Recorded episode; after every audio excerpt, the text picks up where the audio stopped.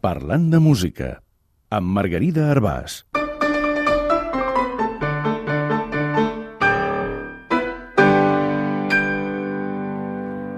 El sacabuig. Avui parlem d'un instrument de música antiga antecessor del trombó de vares, el sacabuig. Tots dos s'assemblen força, però el sacabuig és una mica més petit.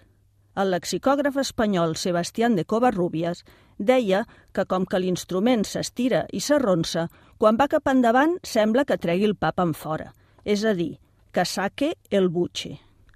D'aquí, segons ell, vindria sacabuche, però en general es considera que la paraula ve del francès, de saquer, estirar, i boter, empenya, en surt sacbut, que és d'on provindrien sacbat en anglès, sacabuche en castellà i sacabuig en català.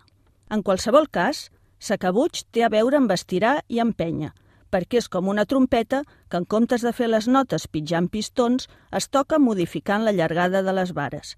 Estirant i empenyent, fent-les lliscar, les vares s'escurcen o s'allarguen.